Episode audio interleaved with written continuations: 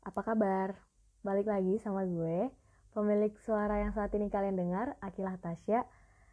Um, udah lama ya, kayaknya gue udah sekitar kayak semingguan lebih gitu gak sih gue gak bikin podcast.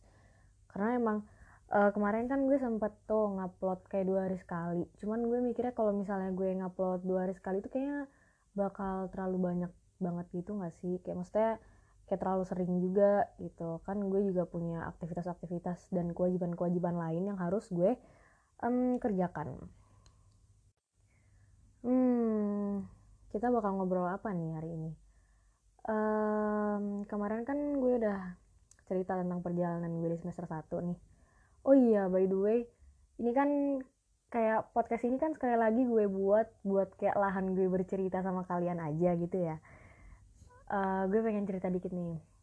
Gue tuh akhir-akhir ini kayak agak susah tidur banget gitu loh. Jadi kayak gue tidur tuh kayak habis subuh habis azan subuh tuh gue baru tidur atau kayak sekitar jam 3 setengah 4 jadi itu kayak juga ngefek ke aktivitas gue di hari paginya gitu loh. Jadi buat kalian yang bisa ya atau yang ngerti kalau misalnya susah tidur tuh enaknya ngapain ya? Atau maksudnya uh, ada obatnya? Bukan obat sih kayak gue harus banyak minum susu anget mungkin atau apa kayak tips dari kalian gue terima deh. Kalian boleh kasih tahu gue oke? Okay? oh iya seperti biasanya karena podcast ini isinya tentang cerita-cerita gue jadi buat kalian yang lagi dengerin ini mungkin kalian bisa siapin snack atau mungkin air minum yang bakal nemenin kalian selama mendengarkan cerita gue. Oke selamat mendengarkan. Nah jadi ini kayak bakal cerita gue tentang perjalanan gue di semester 2 karena ini lebih sedikit complicated daripada yang semester 1 sih. Kayak lebih banyak tantangannya lebih banyak capeknya banyak nangisnya kayak dan banyak hal-hal nggak terduga lainnya gitu loh. Um, menurut gue ini kayak um, sesi paling apa ya paling menantang banget sih buat gue dan gue nggak nyangka aja gitu bisa ngelewatin semuanya. Um, dimulai dari mana ya? Oke. Okay. uh, masuk semester 2 nih. Pas libur semester 2 kan di kampus gue tuh libur semester 2 sekitar 2 maksudnya libur dari spasi semester 1 ke semester 2 itu ada spasi 2 bulan gitu loh libur. Uh, di situ gue memilih untuk ikut bimbel gitu kan. Ikut bimbel ke uh, salah satu tempat bimbel kursus buat persiapan ke Mesir gitu di Bojonegoro.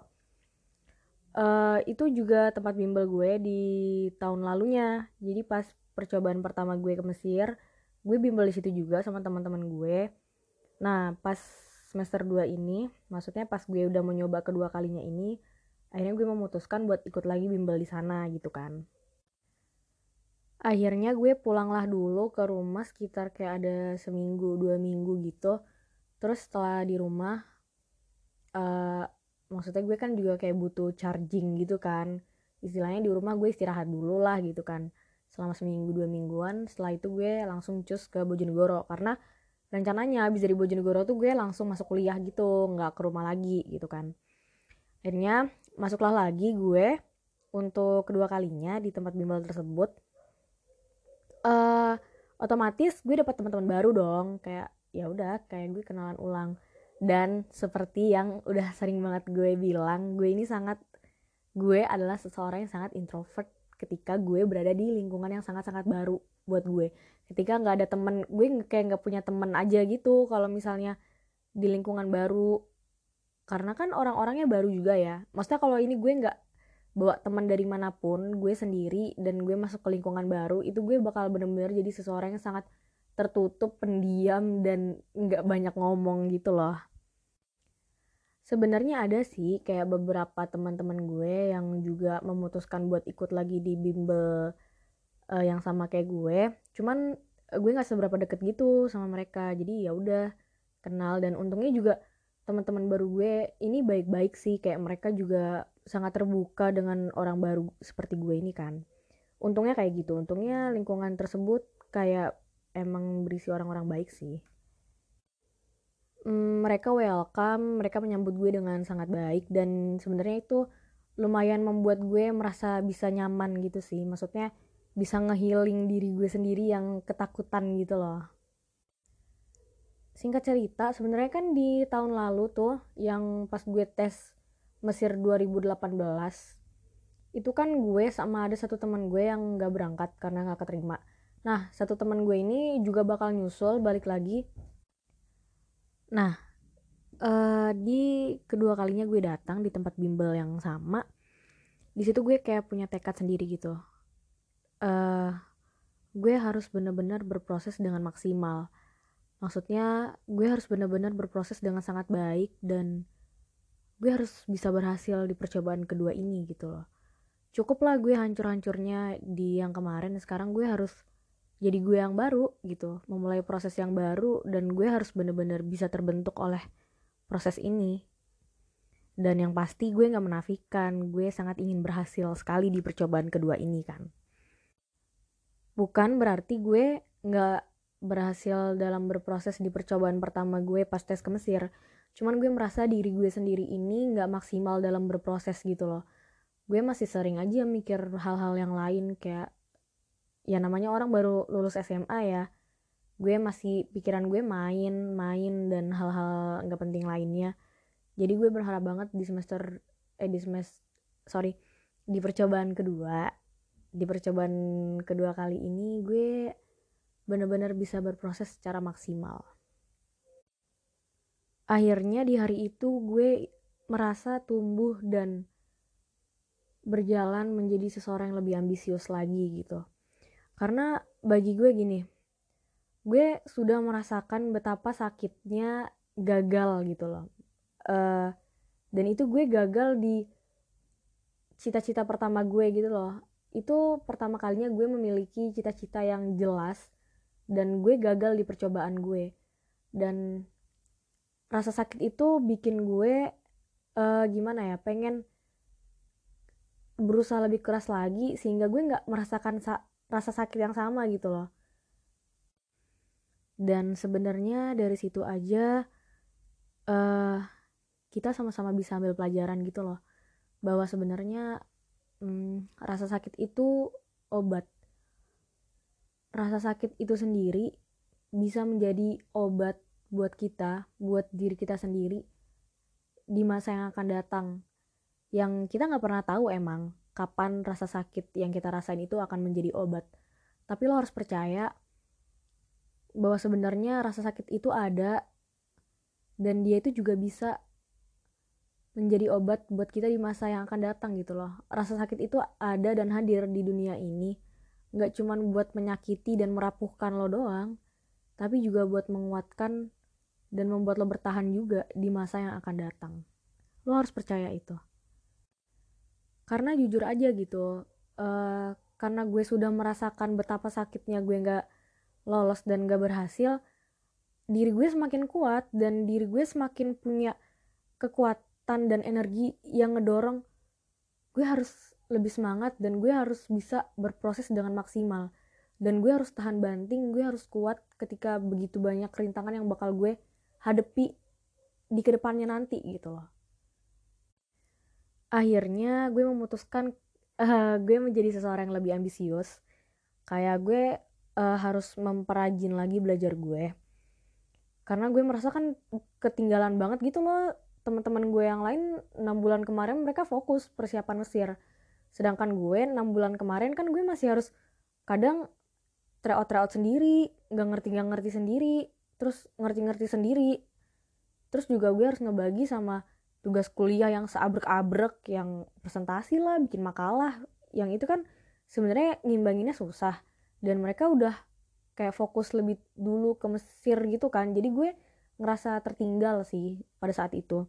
Insecure ada karena gue merasa kayak terbelakang aja gitu.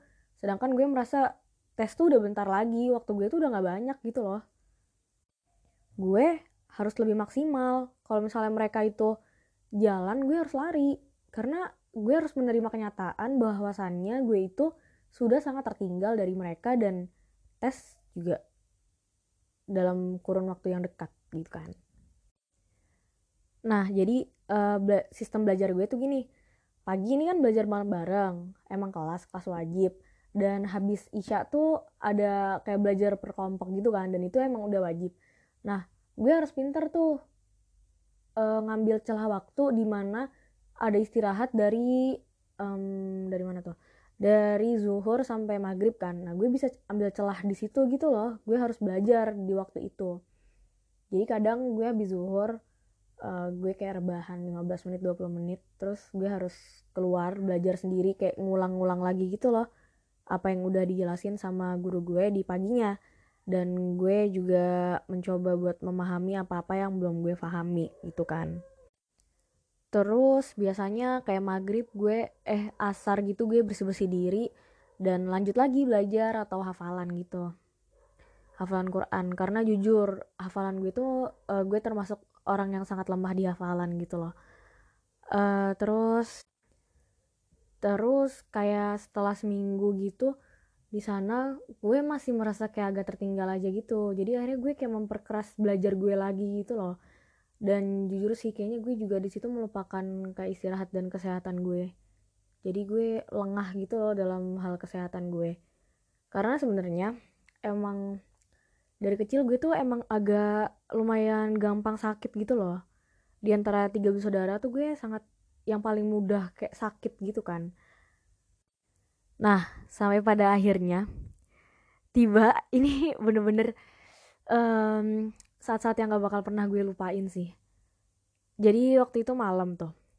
Uh, Sebenarnya gue udah demam itu dari misalkan misalkan ya ini hari Senin nih. Gue udah mulai demam tuh dari belajar sore. Jadi belajar sore. Oh ternyata waktu itu ada kelas sore juga kan. Jadi uh, ditambah gitu loh kelasnya kelas sore itu jadi wajib. Nah itu kelas sore gue udah gak ikut. Gue emang demam gitu kan. Cuman gue merasa kayak besoknya tuh udah agak baik-baik aja gitu siangnya. Jadi paginya gue masih gak ikut belajar karena gue masih belum ngerasa fit gitu kan. Tapi siangnya gue akhirnya memutuskan buat mandi gitu loh mandi keramas gitu biar seger aja. Gue sangka dengan itu gue bakal membaik. Nah setelah mandi tuh gue emang seger. Akhirnya gue itu apa namanya gue belajar tuh belajar lagi kan. Abis zuhur tuh gue belajar. Terus gue kayak ngerasa kok nggak enak lagi gitu badan gue. Akhirnya gue tiduran lah. Gue balik ke kamar gue kayak ngerasa bener-bener menggigil aja gitu. Akhirnya malam tuh pas malam tiba itu mati lampu pas banget lagi mati lampu. Terus gue nggak kuat bener-bener gue menggigil banget dan gue nggak ngerti gitu cara manggil teman-teman gue gimana gitu cara ngasih tahu kalau gue sangat menggigil tuh gue sampai nggak ngerti gitu kan. Akhirnya ada tuh satu temen gue yang sadar eh itu Akila kenapa? gitu. Akhirnya dibuka lah selimut gue dan katanya tuh gue udah bener-bener bener-bener panas yang sampai selimut gue tuh ikutan panas semua baju baju yang gue pakai pokoknya kain sekitar gue tuh sampai udah ikutan panas gitu loh. Nah itu orang-orang udah pada panik gitu kan dan gue juga nggak bisa nahan rasa sakit. Itu bener-bener badan gue sakit banget sebadan badan. Itu gue kayak rasanya kayak di, di apa ya kayak di tusuk-tusuk. Gimana ya kayak lo tau gak sih rasanya sakit badan sebadan badan gitu sama lo demam tinggi gak enak banget gitu kan? Gue bener-bener menggigil banget sih. Dan akhirnya gue inget banget waktu itu gue digotong.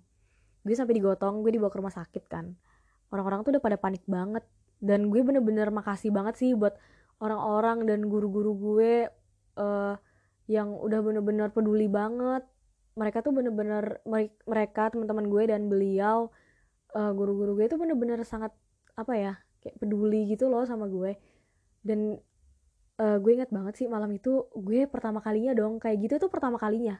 Yang gue sampai harus digotong dan dibawa ke rumah sakit pada malam itu tuh juga itu gue pertama kalinya menghadapi kayak situasi segitunya gitu loh akhirnya gue digotong tuh gue digotong dari kamar ke mobil. Terus di mobil ya udah ada kayak dua teman gue cowok. Uh, yang satu nyupir yang satu lagi nemenin aja gitu kan. Terus ada tiga temen cewek gue. Eh tiga dua dua temen cewek gue yang mangkuk gue gitu. Gue di mobil pun tuh nggak duduk cuy. Gue di mobil tuh bener-bener direbahin gitu. Jadi gue di pangku pangku tidur gitu loh lo ngerti gak sih? Dan itu kayak gue pertama kalinya sih ngerasain kayak gitu. Nah akhirnya dibawa. Terus uh, gue sangka gue dalam hati gini aduh gue nggak mau dia masuk rumah sakit ya. Bener-bener nggak mau. Kalau misalnya gue masuk rumah sakit itu kayak gue bakal ngerepotin banyak orang bikin orang tua gue panik dan satu lagi gue bakal ketertinggalan jauh banget lagi sama teman-teman gue belajarnya gitu loh saya pada akhirnya alhamdulillah tuh gue nggak masuk rumah sakit cuy. Gue nggak di opnam. Gue emang dikasih kayak obat penurun demam sama beberapa obat-obat gitu aja sih. Soalnya emang demam gue kan tinggi banget. Cuman pas nyampe rumah sakit tuh demam gue turun. Gara-gara gue dikasih obat itu penurun panas sebelum ke rumah sakit. Saya udah ini ini nggak apa-apa bisa kok dibawa pulang gitu. Jadi dibawa pulang. Gue istirahat lah sekitar tiga hari dua hari. Gue gak gue jalan aja tuh kayak aduh jalan aja tuh kayak badan gue lemes gitu kan. Dan untungnya orang-orang tuh juga baik-baik banget sama gue. Gue makasih banget nih buat mereka yang udah yang nganter gue ke rumah sakit yang ngerawat gue yang masakin makanan buat gue. Apalagi aduh sangat terima kasih banget buat guru-guru yang udah bener-bener uh, peduli banget. Gue pengen banget sih ngebales jasa-jasa mereka. Nah di situ gue nggak ngasih tahu orang tua gue karena gue yakin kalau misalnya gue kasih tahu mama papa gue bakal kayak panik gitu dan mungkin aja gue disuruh pulang gitu kan. Namanya juga orang tua mana ada sih yang mau lihat anaknya sakit. Akhirnya gue nggak kasih tahu berangsur sembuh sekitar empat hari lima hari gue udah sembuh tuh. Gue udah kuat gitu masuk kelas. Akhirnya gue masuk kelas lagi dan baru saat itu gue kasih tahu maaf pak kemarin tuh sempet sempet kayak gini gini gini. Gue ceritain terus kayak kaget dong kayak ini kenapa bisa sampai kayak gini gitu kan uh, terus di situ gue baru ngerti kayak gue kayaknya nggak terlalu aware sama kesehatan deh kayaknya gue terlalu kayak nge-push diri gue gitu kan uh, dan sampai pada akhirnya temen gue nih datang nih uh, Februari awal tuh. Nah, tapi pas hari dia datang itu pas juga besoknya gue masuk kuliah, kuliah gue mulai. Akhirnya gue bingung kan, gue pengen tetap berusaha di tempat bimbel ini. Dan gue jadi bingung gitu gue harus kayak gimana? Akhirnya gue konsultasi lah sama kayak orang tua gue gitu kan gue tanya ini gimana dong? Ini juga persiapan ke Mesir nggak bisa ditinggal. Terus gue bilang kayaknya uh, kuliahnya udahan aja gimana? Maksudnya gue mau keluar aja gitu gue mau resign dari kampus. Terus papa gue bilang gini jangan jangan resign.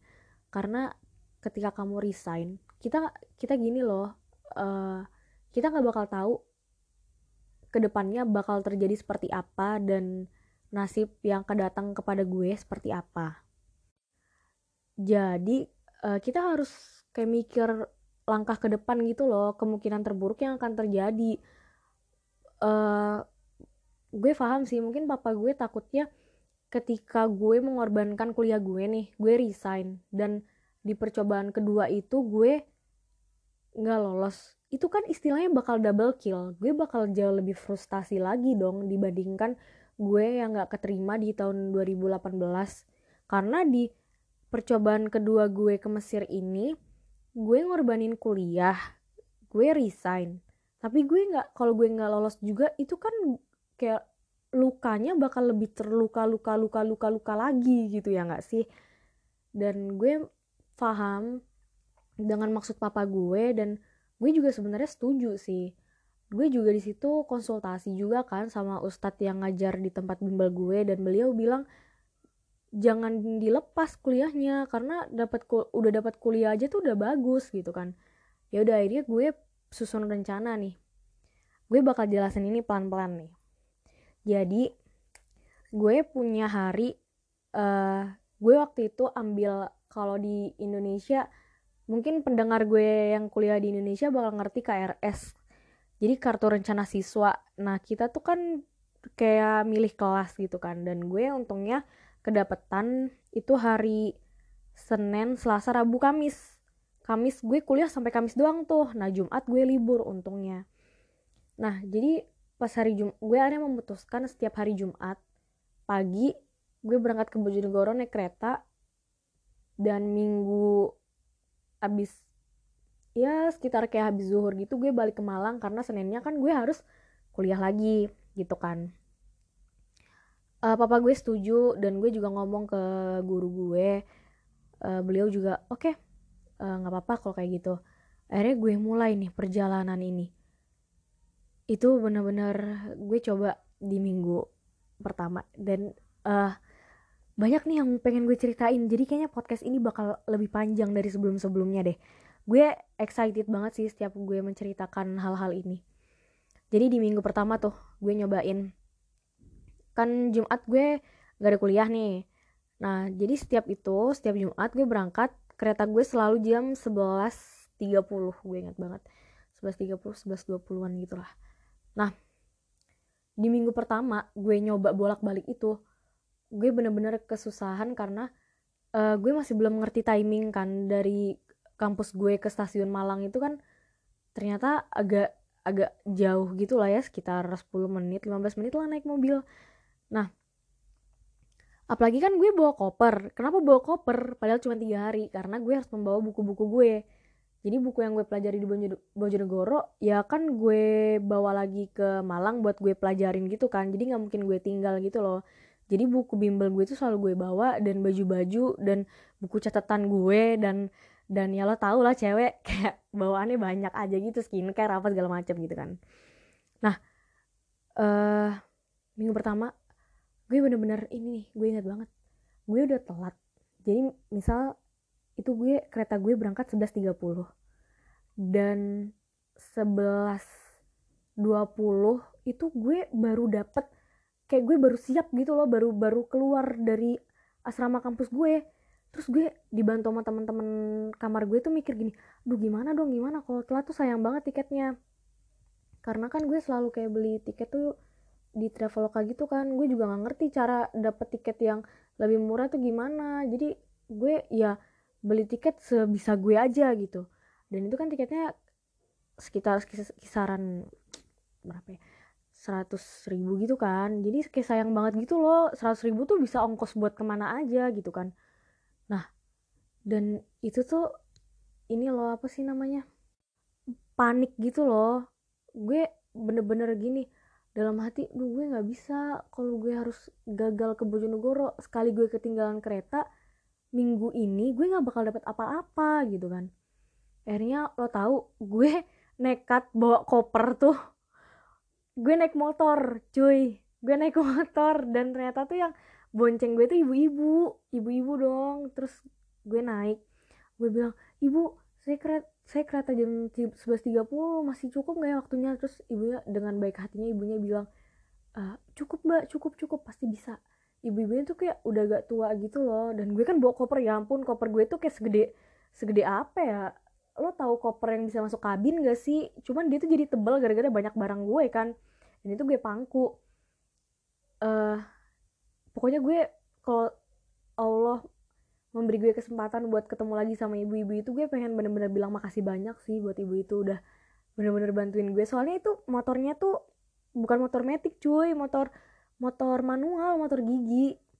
Jadi lo tahu sendiri kan kecepatannya nggak nggak secepat motor metik juga gitu loh. Di tengah jalan itu tuh aduh pas banget lagi kayak macet gitu kan.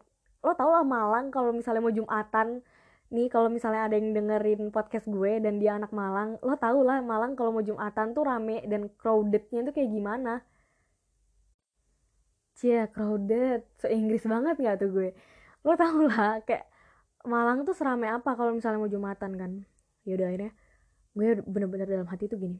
Gue gue bener-bener cuman zikir kayak pokoknya setiap gue udah mau terlambat tuh gue cuman zikir gue cuman Bismillah Bismillah Bismillah Bismillah. Bener-bener gue banyak zikir terus kayak gue bener-bener memperbaharui lagi hati gue gitu loh. Gue bener-bener ngomong dalam hati ya Allah aku pengen belajar. Jadi tolong aja kayak mudahin bikin semua itu terasa mudah bikin semua yang nggak mungkin tuh jadi mungkin. Bikin semua yang nggak mungkin itu jadi mungkin gitu loh. Jadi bisa bikin semua yang terasa sulit untuk hamba jalanin itu terasa mudah ketika dijalanin gitu. Gue bener-bener berdoa gue minta kemudahan ya Allah aku mau belajar aku mau berusaha. Lo tahu gue masuk tuh itu kereta udah mau jalan cuy. Jadi gue bener-bener lari itu gue masuk stasiun tuh sekitar udah tinggal dua menit lagi gitu loh dua menit lagi kereta itu jalan. Dan lo tahu kan betapa tepat waktunya kereta itu nggak ada delay delayan itu gue udah bener-bener ya ampun ini gue dua menit lagi. Terus gue bilang ibu makasih banyak udah udah anterin saya ya. Terus gue inget banget ibunya itu bilang gini ke gue iya dok semoga sukses ya semoga semoga lancar semoga berhasil. Gue ngerasa kayak apa ya? Gue nggak pernah tahu dari mana datangnya keberhasilan itu bisa jadi itu dari doa-doa orang-orang yang gue minta di jalan aja gitu. Dan pada akhirnya gue masuk gue nyampe di kereta jelek gitu. Gue nyampe gue naik tuh baru naik. Gue masih di pintu itu kereta udah jalan. Lo bayangin nggak betapa deg-degannya jadi gue? Gue duduk kayak oh my god gue bener-bener selega itu gue bener-bener nyampe pintu tuh kereta itu jalan gitu loh. Aduh gue bener-bener itu gue ngangkat-ngangkat koper sendiri sampai sampai oleng-oleng sendiri. Kayak kalau misalnya buat lo yang belum pernah ketemu sama gue gue ini kecil. Tinggi gue cuma 150 dan berat gue itu 43 ya lo bayangin aja kan gue sekecil apa. Nah di situ gue mikir gini apa mungkin iya ya ini tuh uh, ketika hati lo itu bener-bener uh, niat buat sesuatu hal yang bener-bener baik ketika hati lo tuh nggak berbohong sama ucapan lo. Sekali lagi seperti di podcast pertama gue ketika hati lo berkata dan berdoa nggak dengan berbohong sama lisan lo ketika hati dan lisan lo itu sinkron Allah tuh bener-bener bakal datengin keajaiban dari mana pun gitu loh. Dan satu lagi ketika lo bener-bener ada harapan yang sangat lo inginkan lo nggak boleh segen minta ke orang mana pun gitu loh. Gue ngerasa aja kayak doa dari ibu-ibu gojek itu bener-bener nembus ke langit gitu loh. Kayak lo bayangin gue tuh belum lagi itu gue dua menit terakhir tuh dua menit tiga menit terakhir gue belum cetak tiket gue belum belum ngeliatin tanda pengenal belum lagi ngantrinya. Tapi gue bisa masuk gitu loh di kereta gue bisa walaupun itu gue masuk ketika kereta udah jalan. Kayak itu bukan suatu hal gue mikir itu kayak udah nggak mungkin lagi gue bisa berangkat hari itu. Tapi ternyata Allah berkendak lain Allah ngizinin gue berangkat pada hari itu gitu loh.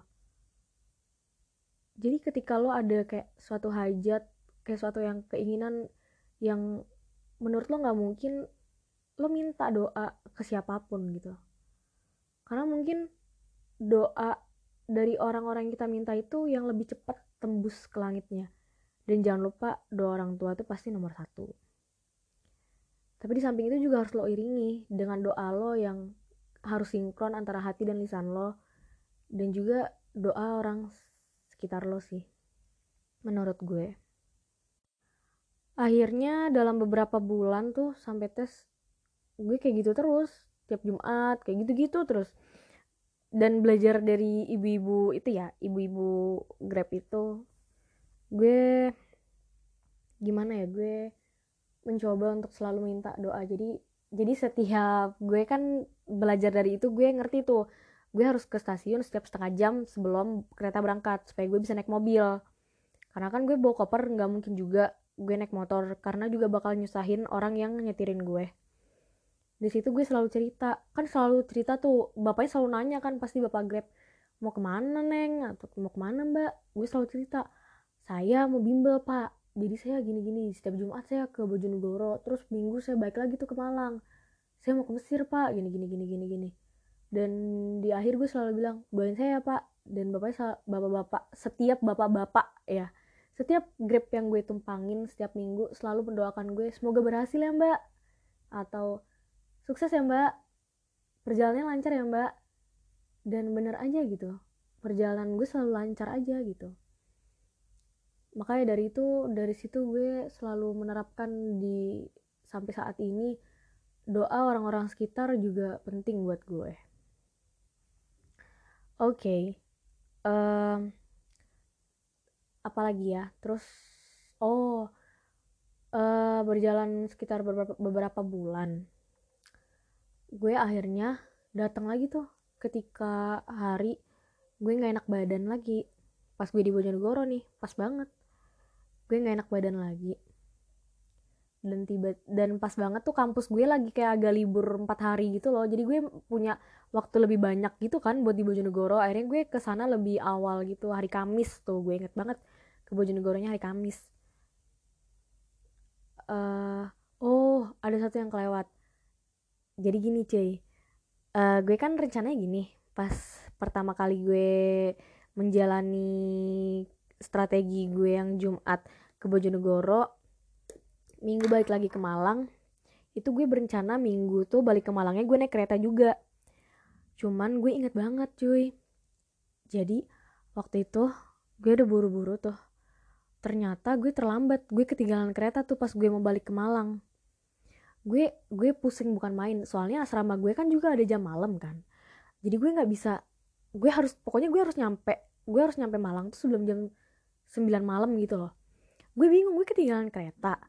Posisinya gue juga nggak tahu gue harus naik apa. Akhirnya bapak-bapak grab itu bilang gini ke gue mbak saya saya bisa bantuin mbak naik bis. Terus aku bilang terus gue bilang pak saya nggak pernah naik bis saya nggak ngerti juga caranya gitu karena gue satu-satunya gue pernah naik bis tuh ketika gue pariwisata di sekolah dan ketika gue balik pulang kampung di Sulawesi. Gue kan selalu naik bis tuh. Dan itu gue selalu sama keluarga gue juga gitu. Jadi gue nggak ngerti cara naik bis kan. Gue bilang saya juga nggak ngerti pak. Gimana caranya? Saya takut gitu kan. Bapaknya bilang saya bantuin mbak. Saya bantuin saya ajarin caranya gitu. Akhirnya di situ kan gue udah kebingungan bukan main kan. Kayak gue juga sayang aja gitu harga tiket kereta terus gue udah mau nangis aja deh kayak gue ketakutan sama banyak hal gitu loh. Besok gue juga kuliah tuh gimana gitu kan. Akhirnya gue akhirnya kayak bapak-bapak itu baik banget gitu aja bantuin gue. Dia bilang mbak ntar naik bis yang itu. Terus naik terus bayarnya di atas mbak. Ntar kalau mbak udah nyampe nanti mbak bakal nyampe di terminal Bung Rasih. Ya udah deh tinggal nanti pilih bis ke Malang aja. Akhirnya gue coba tuh gue bilang gini ketika gue ketinggalan kereta itu gue bilang ya Allah ini tuh apalagi sih? Kenapa setiap hamba mau mau ngelakuin suatu hal tuh ada aja ketinggalan keretanya lah ada aja suatu hal yang rintangannya lah ada aja yang bikin mau nangis lah ada aja susah-susahnya lah. Kenapa nggak lancar kayak orang-orang lain sih gue gue ngeluh banget tuh pas gue ketinggalan kereta. Akhirnya gue naik kan ke bis. Dan itu gue takut banget sumpah. Gue takut banget. Soalnya kan di bis tuh kan uh, duduknya tiga dua gitu kan. Dan ternyata itu desek-desekan banget kan. Itu pertama kalinya cuy. Gue pertama kali banget naik bis. Uh, itu kan desek-desekan banget. Terus ibu-ibu ada tuh ibu-ibu di samping gue. Mana tuh ya? Gue duduk nih kan di kursi yang tiga. Di kursi yang paling pojok itu ada ibu-ibu bawa anak. Terus gue di tengah terus sebelah gue ibu-ibu. Terus mana di pertengahan perjalanan tuh anaknya tuh numpahin momogi lagi di tas gue. Aduh ini tas kuliah. Gue kan kayak agak gimana gitu kan. Balik lagi tuh ngeluh ini kenapa sih? Ada aja cobaannya. Nah terus pas gue udah mau nyampe Surabaya tuh udah masuk ke wilayah Surabaya gue bingung aduh ini gue nyampe terminal Bung Rasi terus gue harus ke mana? Gitu. Gue ngomong apa? Gue takut ditipu gue takut nyasar gue bener-bener nggak tahu cuy. Gue nggak tahu cara naik bis cuy. Lo tau gak sih orang-orang yang orang baru yang gue nggak ngerti gitu. Ibarat kan gue ngerasa gue kayak tersesat aja gitu kan. Akhirnya pas udah mau nyampe pokoknya ibu-ibu uh, gue dalam hati gue gini ya Allah tolong bantuin. Ini nggak tahu harus ke mana. Ini bingung juga. Tolong bantuin. Akhirnya ibu-ibu di sebelah gue yang duduk sebelah gue dia bilang e, mbak mau kuliah? Gitu. Iya bu. Saya kuliah di Malang. Di mana mbak? Di UIN oh saya juga mau ke Malang. Jenguk anak saya yang ada di UB nah kan kampus gue sama UB itu deketan gitu kan. Terus gue gini bu berarti kita satu tujuan dong iya mbak. Terus gue bilang ibu saya bener-bener nggak pernah naik bis. Gue percaya sih soalnya ibunya tuh kayak bener-bener ibu-ibu banget gitu kayak mamah gue banget gitu loh. Iya iya mbak. Kalau gitu mbak sama saya aja. Ntar saya ajarin ya gimana caranya. Ya bu. Pokoknya tolongin banget ya bu. Saya nggak pernah naik bis. Tuh saya tadi tuh udah mau nangis ketinggalan kereta. Terus papa mama saya juga juga khawatir gitu. Iya mbak. Ya ntar sama saya aja akhirnya gue diajarin tuh ibunya bilang mbak kalau misalnya nyampe sini pasti itu sekitar jam segini. Kalau mbak berangkat jam segini dari Bojonegoro. Mbak bisa sholat di sana. Gue diajarin tuh akhirnya gue ikut ibunya sholat. Habis itu gue ikut ibunya milih uh, bis gitu kan. Di hmm, pertengahan perjalanan uh, pokoknya gue diajarin tuh ini bis, nanti ke sini nyari bisnya yang ini. Akhirnya udah kita udah dapat bis tuh. Bis ke Malang ternyata lebih enak kan soalnya kayak patas gitu loh. Terus ibu cerita anak saya di UB terus ada di ITB sama di IPB satunya. Pokoknya keren-keren banget ya anak-anaknya tuh masya Allah. Terus di situ gue banyak banget sepanjang perjalanan Surabaya Malang tuh gue cerita-cerita sama ibunya. Gue bilang saya bantuin kamu berbuat baik supaya anak saya ketika dia itu juga membutuhkan bantuan di kota yang jauh di sana dia juga ada yang ngebantu. Makanya saya pengen aja gitu bantuin kamu supaya nanti kalau misalnya anak saya juga sama ngerasain kayak kamu dia ada yang ngebantu. Ibunya itu ngomong kayak gitu jadi pelajaran lagi buat gue. Kayak iya ya ketika mungkin aja ibu ini uh, didatengin sama gue buat ngasih pelajaran gitu loh. Allah bikin gue ketinggalan kereta dan bikin gue belajar naik bis buat ketemu ibu ini buat di diajarin banyak banget. Gue dinasehatin banyak banget sama ibu gue sama ibu ini. Dia seperti kata-katanya tuh bener-bener seperti mamah gue banget gitu loh. Dan mungkin aja kan juga bantuan ini datang dari Allah mungkin aja karena mama gue jauh di sana juga berbuat baik kepada orang lain gitu. Dan di situ bikin gue memetik sebuah pelajaran ketika uh, lo ngebantuin orang lain insya Allah tuh apa ya insya Allah tuh siapa tahu juga bisa menjadi tameng dan pelindung buat orang-orang yang lo cintai yang jauh di sana yang nggak bisa lo lindungi oleh tangan lo sendiri gitu loh lo bisa melindungi orang-orang yang lo cintai dengan kebaikan dan ketulusan yang lo berikan kepada orang-orang yang kesusahan. Kayak ibu-ibu yang udah ngebantuin gue ini dia ngasih kebaikan ke gue supaya anak-anaknya juga selalu dijaga Allah dan selalu diberikan pertolongan ketika anak-anaknya merasakan ada di posisi seperti gue. Dan di situ gue bener-bener belajar uh, lo bisa melindungi orang-orang yang jauh dari gapaian tangan lo dengan kebaikan lo kepada orang lain gitu. Gue belajar itu sih. Dan gue tuker-tukeran nomor telepon sama ibu itu dan gue juga sampai akhir gue sebelum ganti nomor nih ganti nomor Mesir gue chat-chatan sama ibu itu dan gue sekarang juga nomornya hilang nih. Gue pengen banget minta nomor telepon ibunya lagi tapi gimana ya? Semoga nanti Allah kasih kesempatan gue buat bertemu juga dengan ibu ini terus ya udah deh ibu itu ngajarin nanti kalau misalnya turun minggu-minggu ke depannya kamu turun di sini. Terus kamu naik grab lanjut ke kampus kamu. Akhirnya, akhirnya di situ kita berpisah.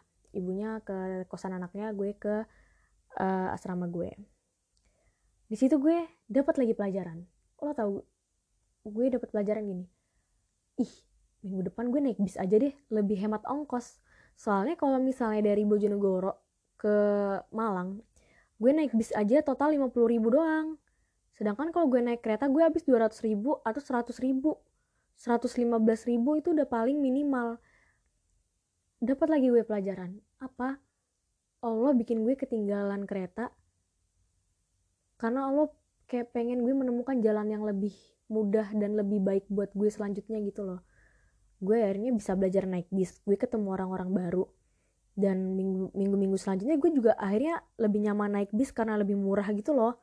Jadi ketika lo harus percaya sama gue ketika lo nanti atau mungkin sekarang lo dihadapin sama banyak begitu banyak cobaan dan kesulitan yang bikin lo tuh ngeluh aja terus lo harus percaya lo harus percaya cuy Allah itu punya sesuatu yang pengen Allah tunjukin ke lo gitu loh ke diri lo yang pengen Allah pengen ngajarin sesuatu atau mungkin Allah pengen ngasih sesuatu jalan yang lebih baik buat lo gitu loh. Di balik kerintangan yang lo dapetin. Lo harus percaya sama gue karena gue udah pernah ngerasain itu dan gue ceritakan ini tuh nyata cuy nyata. Gue nggak ngada-ngada gitu. Lo harus percaya di balik kesusahan yang sekarang atau mungkin di ke depannya lo dapetin itu tuh Allah punya alasan di balik itu semua gitu loh. Allah pengen ngajarin dan Allah pengen ngasih tahu sesuatu yang bakal bikin lo lebih mudah menjalani kehidupan lo selanjutnya gitu loh. Yang bakal bikin lo lebih kuat yang bakal bikin lo mengenal dan mendapatkan begitu banyak pelajaran buat kehidupan lo sendiri gitu. Dan um, lucunya set, uh, minggu-minggu ke depannya tuh setiap gue naik bis pas beberapa kali ya gue ketemu cuy sama orang yang sekampung sama gue lah di Sulawesi. Yang ternyata dia kenal lah sama om gue. Yang ternyata dia juga orang inilah gue bener-bener ketemu ketemu kayak gue rasanya kalau gue flashback lagi ini tuh kayak sebuah film aja gitu. Mungkin lo nggak percaya sama kata-kata gue tapi ini bener-bener terjadi apa adanya. Gue lo bayangin nggak? Gue ketemu sama bapak-bapak nih. Jadi waktu itu gue mau ke Bojonegoro kan. Ternyata sekeluarga itu orang tinggal di Jakarta. Nah istrinya mau balik ke Jakarta cuman si bapaknya ini mau balik ke Malang gitu ada urusan. Oh nggak nggak ke Surabaya. Nah gue denger logatnya dan itu sangat gue kenal. Itu logat kampung gue di Sulawesi. Terus gue tanya ibu orang Sulawesi? Iya. Oh iya saya juga. Kamu di mana? Saya di kota Palopo. Loh saya juga. Suami saya juga orang sana. Akhirnya gue kenalan tuh sama bapak-bapak itu. Akhirnya bapak-bapak itu juga yang nemenin gue sampai ke Surabaya. Kita ngobrol ternyata beliau sekampung maksudnya kampung gue tuh sempit cuy. Nggak segede Jakarta gitu loh. Jadi kalau gue menemukan ada seseorang yang sekampung sama gue gue merasa dekat aja. Dan ternyata beliau juga kenal sama om gue. Akhirnya kita tukeran nomor. Jadi di perjalanan gue itu gue emang menemukan banyak tantangan. Tapi gue menemukan orang-orang baru pelajaran-pelajaran baru yang mungkin kalau gue di tahun 2018 itu gue lulus Mesir gue nggak bakal dapet segitu banyak pelajaran yang gue dapet gitu loh. Gue nggak bakal dapet kenalan orang-orang baru pelajaran-pelajaran baru. Gue nggak bakal menjadi Akila yang baru yang udah ditempa sama ketinggalan bis lah apa apa apa uh, maksudnya gue nggak bilang orang-orang yang nggak merasakan kegagalan gue itu nggak tertempa. Mereka tertempa tapi mungkin di tempat lain dan dengan cara yang lain. Dan mungkin Allah menempa gue dengan jalan ini karena itu emang yang terbaik buat gue. Di situ di perjalanan itu gue merasa bersyukur karena gue udah kayak akhirnya gue sampai ada di titik di mana gue sangat bersyukur kenapa gue nggak diberangkatkan Allah di tahun 2018 gue sangat bersyukur kenapa Allah bikin gue sakit dan Allah bikin gue patah karena perjuangan gue nggak berhasil di tahun 2018 gue sampai pernah ada di titik ya Allah bersyukur banget. Bener-bener bersyukur. Karena itu semua pelajaran yang nggak bakal pernah gue dapatkan di tempat lain gitu loh. Gue hanya akan mendapatkan pelajaran itu ketika gue gagal dan gue menjalani sekelibet rintangan-rintangan yang gak pernah gue harapkan adanya tapi ternyata dengan dia hadir di hidup gue dia membawa energi baru di dalam diri gue gitu loh. Oke okay, 44 menit. Kalian masih kuat dengerin gue cerita? Oke gue lanjutin ya. Ini masih agak panjang sih. Nah terus uh, berjalan tuh pas udah agak dua bulanan tiga bulanan tuh gue muncul lagi tuh. Gue ngerasa suatu malam tuh gue nggak enak badan. Gue nggak enak badan. Gue kamisnya kan udah ke Bojonegoro karena kampus gue kayak ada event atau libur gitu ya. Gue lupa. Pokoknya gue ada waktu sehari lebih banyak buat ke Bojonegoro. Nah pas malam minggu itu gue bener-bener kayak dem kayak menggigil lagi gitu aja loh. Dan itu kan udah ada teman gue tuh sahabat gue. Uh, gue akhirnya pas tengah malam nggak tahu kenapa gue gue tidur tiba-tiba gue kesadar aja kesadar gue udah ngeraung-ngeraung sendiri. Dan itu gue baru sadar gitu loh lo tau sih nggak sih ngeraung bukan ngeraung-ngeraung lu jangan mikir kayak macan ngeraung gitu maksudnya gue kayak kesakitan gitu. Terus tiba-tiba anak kamar gue ada yang ada yang kayak nyadar ih Akila kenapa? Gue udah udah pada itu kamar tuh udah pada bangun kan itu tengah malam tuh sekitar jam berapa ya? Jam 2 itu pada bangun kayak panik gitu ngeliat badan gue tuh udah panas sebadan badan tuh. Udah kayak panci mendidih gitu. Gue panas badan gue panas kasur gue panas selimut gue panas baju gue panas. Terus akhirnya uh, akhirnya mereka kayak memutuskan buat udah udah gotong aja gotong bawa ke rumah sakit bawa ke rumah sakit. Udah akhirnya mereka ngasih tahu tuh ke ustadz gue ini gue kumat lagi gue demam lagi. Akhirnya dibawa pada panik kan orang-orang ya dan terjadi lagi gue digotong dari kamar ke mobil dan terjadi lagi gue bukan duduk tuh di mobil gue bener-bener di pangku tidur gue di pangku tidur dan itu ditemenin sama ada sat, sama satu teman gue yang nyupir dan satu lagi teman gue yang nemenin aja ke rumah sakit cowok kan dua. Sama dua orang yang mangku gue di belakang. Itu lo tau gak sih sahabat gue itu udah dia udah nangis nangis aja kayak gue kayak gue mau kenapa aja gitu kan terus ya udah akhirnya perjalanan tuh udah gue bener-bener di udah kayak pijitin bener-bener badan gue sakit banget cuy. Tapi di situ tuh juga gue kayak mikir lagi gitu aduh gue ini kenapa sih? gitu kan. Akhirnya uh, udah bagusnya lagi gue juga nggak disuruh opnam. Gue cuma dikasih obat penurun panas aja. Ya udah akhirnya balik kan. Uh, balik. Terus kebenaran tuh ada adik sepupu gue kan datang di tempat bimbel. Terus ada om tante gue juga.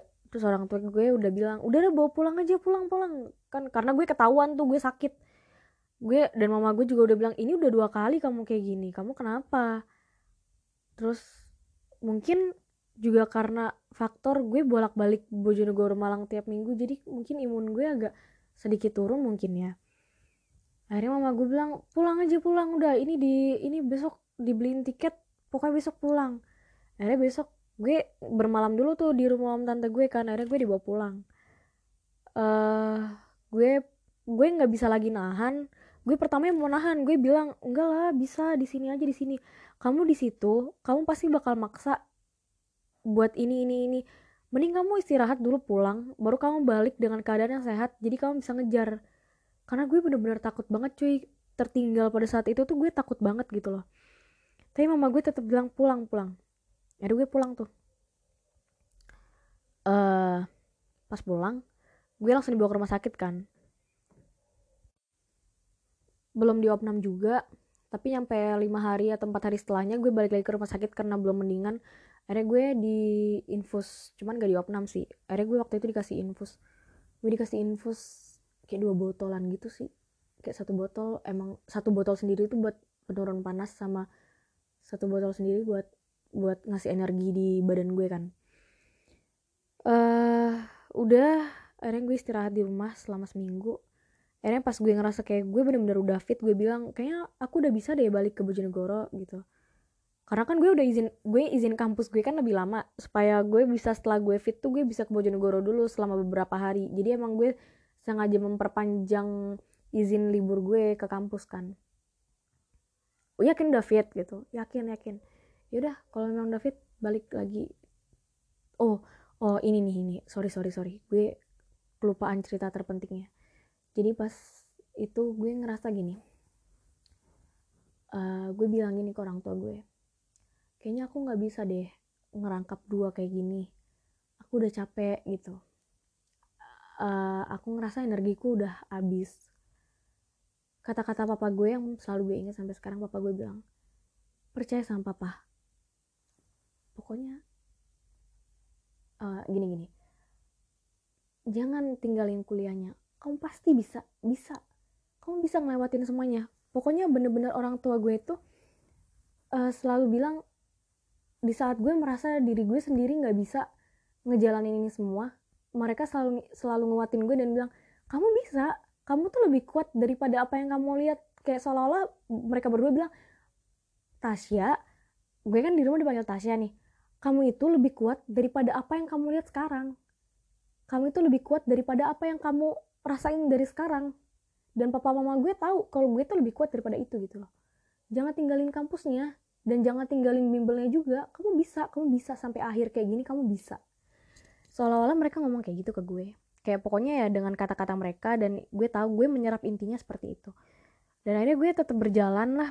Gue memutuskan buat oke okay, gue jalanin. Gue bisa gue bisa. Saya pada akhirnya selesai. Semester 2 itu selesai cuy.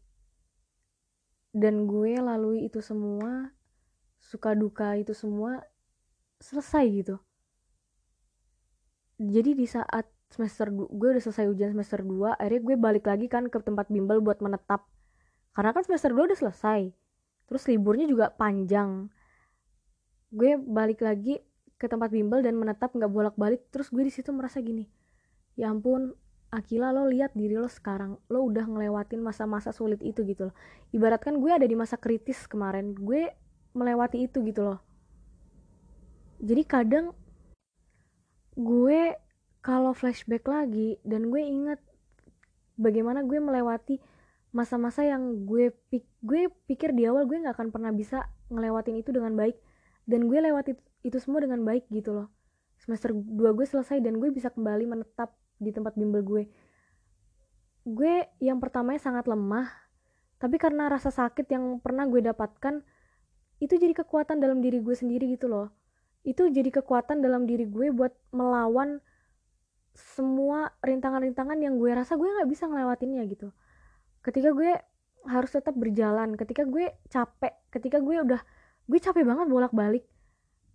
Tapi gue ingat gue pernah gue pernah loh ngerasain sakit itu dan gue nggak mau lagi ngerasain rasa sakit yang sama. Setidaknya kalau gue nggak lolos di tahun 2019 itu gue nggak akan pernah menyesal dan gue nggak merasa sakit karena gue udah berjuang segitu berjuangnya gue udah bener-bener berproses secara maksimal gitu loh. Gue nggak jadi pecundang yang cuman leyeh-leyehan. Gue berjuang segitu kerasnya gitu. Jadi apa ya? Lo harus percaya sama gue. Rasa sakit. Lo sakit hari ini. Rasa sakit itu bakal jadi obat buat lo sendiri. Dia bakal jadi imun lo sendiri di masa depan buat ngadepin rintangan yang lebih berat lagi. Lo harus percaya sama gue karena gue udah ngelewatin semuanya gitu. Uh, gue bisa sampai di titik gue bertahan. Gue bisa sampai gue bertahan tuh setiap minggu gue bolak balik Bojonegoro Malang Bojonegoro Malang. Dan oh iya gue lupa ya Bojonegoro Malang ditempuh kalau misalnya naik kereta tiga setengah jam atau 4 jam. Tapi kalau misalnya naik bis lo fleksibel banget. Lo bisa 8 jam gue pernah 7 jam 6 jam 5 jam 4 jam itu fleksibel tergantung jalan. Dan lo tahu lo bisa bayangin betapa capeknya gue. Dan gue bisa ngelewatin itu berangkat dari rasa sakit yang pernah gue hadapi. Gue nggak menjadikan rasa sakit itu sebagai dendam. Gue nggak untuk balas dendam tuh nggak. Tapi ketika lo bisa manage rasa sakit lo menjadi sebuah obat itu bakal bener-bener jadi kekuatan dan bener-bener jadi apa ya energi sendiri di dal dari dalam diri lo gitu loh. Jangan pernah jadikan rasa sakit yang lo alami itu sebagai sebuah dendam di masa depan. Lo harus berhenti mendendam tapi jadian rasa sakit yang lo dapetin itu buat sebagai obat gitu loh. Dan lo harus percaya sama gue ketika lo menjadikan rasa sakit itu sebagai obat itu bakal bener-bener menguatkan diri lo banget. Menguatkan diri lo kill maksudnya ngejadiin rasa sakit sebagai obat tuh apa sih? Lo harus bisa kayak oke okay, gue pernah merasakan rasa sakit yang seperti itu dan gue nggak mau lagi merasa sakit. Gue harus bisa sembuh dan gue akan berproses lagi gitu loh. Menjadikan rasa sakit sebagai obat itu adalah ketika lo capek dalam proses lo lo ingat lo pernah ngerasain sakitnya yang sa yang seperti itu dan lo nggak mau lagi kan ngerasain yang seperti itu itu bener-bener bakal jadi kekuatan banget dalam diri lo. Itu bener-bener bakal bikin lo lebih kuat dalam melangkah lo harus percaya sama gue. Dan lo harus ingat dibalik ke rasa sakit rasa gagal dan kayak cobaan-cobaan kayak yang lo temuin di jalan duh kok ini ada aja cobaannya? Duh ini kok ada aja susahnya? Misalnya lo di organisasi nih ada aja masalahnya ada aja kendalanya. Lo harus inget cuy di balik itu semua Allah itu selalu punya jawaban Allah selalu punya tujuan dan Allah selalu punya rahasia di balik itu semua yang Allah pengen lo jadi lebih kuat lo mendapatkan banyak pelajaran um, oke okay. ini udah 55 menit dan ternyata di, di episode ini gue cuman boleh uh, berbicara satu jam dan mungkin juga kayaknya kalian bakal bosan banget gak sih kalau gue terlalu panjang uh, bercerita jadi buat episode selanjutnya bakal gue lanjutin karena masih ada cerita gue tentang gue menghadapi tes Mesir itu tes Mesir kedua kalinya. Nah gue bakal ceritain sampai nanti gue menerima hasilnya gue bakal ceritain ke kalian. Jadi kalian tungguin aja. Sekali lagi buat uh, lebih kurangnya gue minta maaf banget. Gue sangat menerima saran dan kritik kalian dari eh, pandangan-pandangan kalian mungkin gue lebih nggak enak ceritanya atau gimana yang bisa bikin kalian nyaman kalian boleh kasih kritik dan saran ke gue di Instagram gue Akiel Hatasya satu A nya di belakang dan Twitter gue Akiel Hatasya A nya ada dua di belakang uh, oke okay. makasih banget udah ngedengerin gue sekali lagi jaga kesehatan dan banyak berdoa Dadah!